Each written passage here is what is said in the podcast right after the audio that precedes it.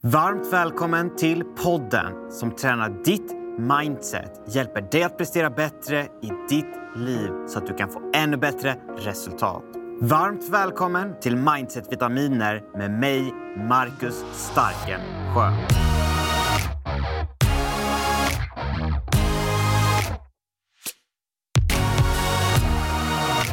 Varmt välkommen till podcasten som hjälper dig att träna ditt mindset, bygga din mentala styrka och hjälpa dig att skifta perspektiv och ta ditt liv till nästa nivå. I dagens avsnitt så kommer det handla om en vän till mig som jag träffade för många år sedan.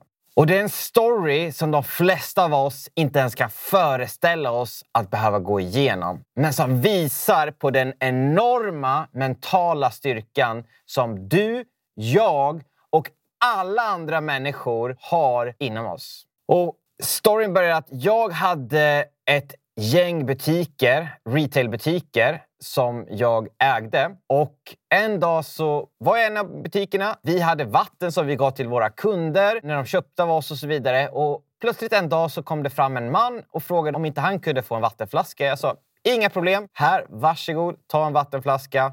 Ha en underbar dag. Han pratade engelska med mig och eh, efter han fick flaskan så såg jag hur han gick runt till papperskorg efter papperskorg efter papperskorg och letade efter pant.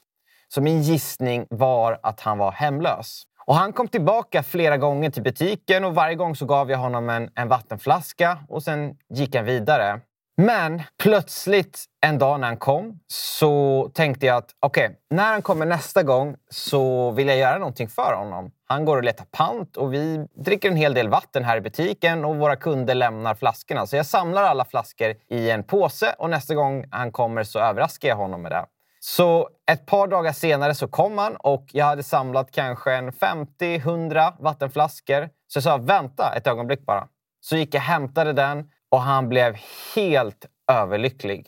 Han blev så tacksam och sa thank you, thank you, thank you. Men jag stannade inte där utan jag frågade får jag bjuda dig på en kaffe. Han sa ja, jätte, jättegärna. Det är väldigt kallt ute. Så vi satte oss ner. Han pratade perfekt engelska och det visade sig att han hade växt upp i London med sina föräldrar. Men efter det, när han var i 20-årsåldern, så hade han flyttat till Frankrike. Och i Frankrike så hade han gift sig. Han hade ett jobb där han jobbade som eh, trädgårdsmästare och han beskrev hur fantastisk den här trädgården var som han jobbade i och allting. Men så berättade han om hur han och hans fru hade skilt sig och han kände att han var tvungen att få en ny start i sitt liv. Han hade hört talas om Sverige. Han hade aldrig varit här, men han hade hört att Sverige är ett bra land där det finns snälla människor. Men när han kom hit till Sverige så fick han en chock. Trots att han pratade perfekt engelska så var det ingen som ville anställa honom. Och efter ett par månader så var de pengarna som han hade med sig slut. Så att han blev hemlös. Han berättade hur han sov under en bro och hur han försörjde sig på att gå och plocka pant och leta efter det i papperskorgar. Men samtidigt så försökte han att hitta ett jobb. Jag blev helt tagen av hans historia och bestämde mig för att göra det jag kunde för att hjälpa honom. Så jag sa till honom, ikväll så bjuder jag dig på middag och vi ska gå till en plats. För jag visste att en liten bit bort så fanns det en kyrka och precis som kyrkan och massa andra fantastiska organisationer i Sverige så finns det många som hjälper hemlösa så att jag tog honom till kyrkan och sa att kan ni hjälpa den här mannen? Han skulle verkligen, verkligen vilja ha en chans. Han vill jobba, han vill komma vidare i sitt liv. Och eh, de välkomnade honom och efter ett par veckor så fick han ett jobb i kyrkan. Han fick en lägenhet och en säng att sova i igen. Han fortsatte att komma förbi mina butiker då och då. Vi tog en kaffe tillsammans och lärde känna varandra mer. Och ett par år senare, när jag bodde utomlands, så gifte han sig och flyttade in med kvinnan som han gifte sig med. Han skrev till mig hur lycklig han var och hur det verkligen kändes som att han hade kommit så himla långt från där han började som hemlös, där han sov under en bro. Han hade ett jobb, han jobbade på en restaurang som servitör och han kände sig verkligen, verkligen lycklig. Vi talades inte vid på drygt ett år, ett och ett halvt år om jag minns rätt. Och plötsligt så ringde han mig på Messenger och jag hörde direkt på hans röst att det var någonting som inte stod rätt till. Han berättade hur han hade skilt sig från sin fru och hur han återigen var tillbaka på gatan som hemlös. Han berättade att han inte orkar att ta sig upp en gång till. Han berättade hur han ville ta sitt egna liv. Jag befann mig i ett annat land och när jag hade honom på telefonen så sa jag snälla, snälla, gör det inte. Jag vet att det kan kännas hopplöst just nu och jag vet att det känns för jävligt att vara tillbaka på den platsen som du en gång startade på. Men det kommer vända. Tro på hoppet. Ge det en chans till. Ta en dag i taget. Det kommer att bli bättre. Jag lovar. Ge inte upp. Han sa I don't know Marcus. I don't know. We'll see about it. Och så tryckte han av samtalet. Kunde inte sova den kvällen. Jag försökte skriva till honom, jag försökte ringa, men han svarade inte. Och när jag till slut somnade den natten och vaknade på morgonen så visste jag inte om min vän var i livet eller om han hade tagit sitt liv. Jag skrev till honom och ett par timmar senare så svarade han Hey man, I'm still alive, but I don't know if I can do this. Och vi pratade i princip dagligen och det var en lång resa tillbaka. För han var inte bara hemlös utan han hade fått sitt hjärta krossat.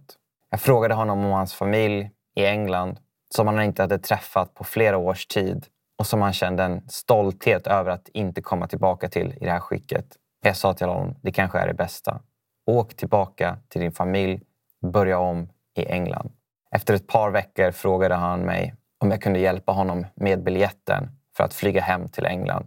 Självklart. Jag bokar på en gång. När vill du åka? As soon as possible, please. Dagen efter så åkte han till Skavsta flygplats och flög till London och träffade sina föräldrar som han inte hade träffat på flera år. Och jag pratade med honom bara för ett par veckor sedan. Han bor idag i London. Han är inte gift, men han spenderar sitt liv med en kvinna och tillsammans har de en otroligt vacker dotter. Han jobbar hårt och han har många gånger tackat mig för den här tiden. Och det här visar är, oavsett vart vi människor är, oavsett hur tuff situationen må vara, så finns det alltid en väg om vi har hoppet. Och där du är just nu i ditt liv, du kanske inte är hemlös. Du kanske inte har det lika tufft som min vän hade det. Men det jag vill uppmana dig till, fråga om hjälp.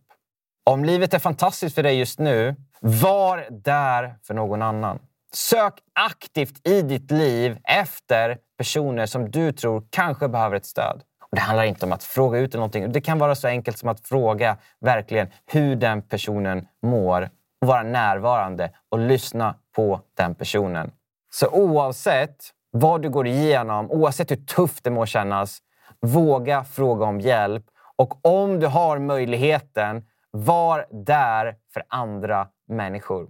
Där har vi dagens Mindset-vitamin. Och är det så att du vill ha mer material från podcasten, från andra utbildningar, från andra workshops. Gå till mindsetvitaminer.se och prenumerera på podcasten och lämna jättegärna en review. Det var allt för idag.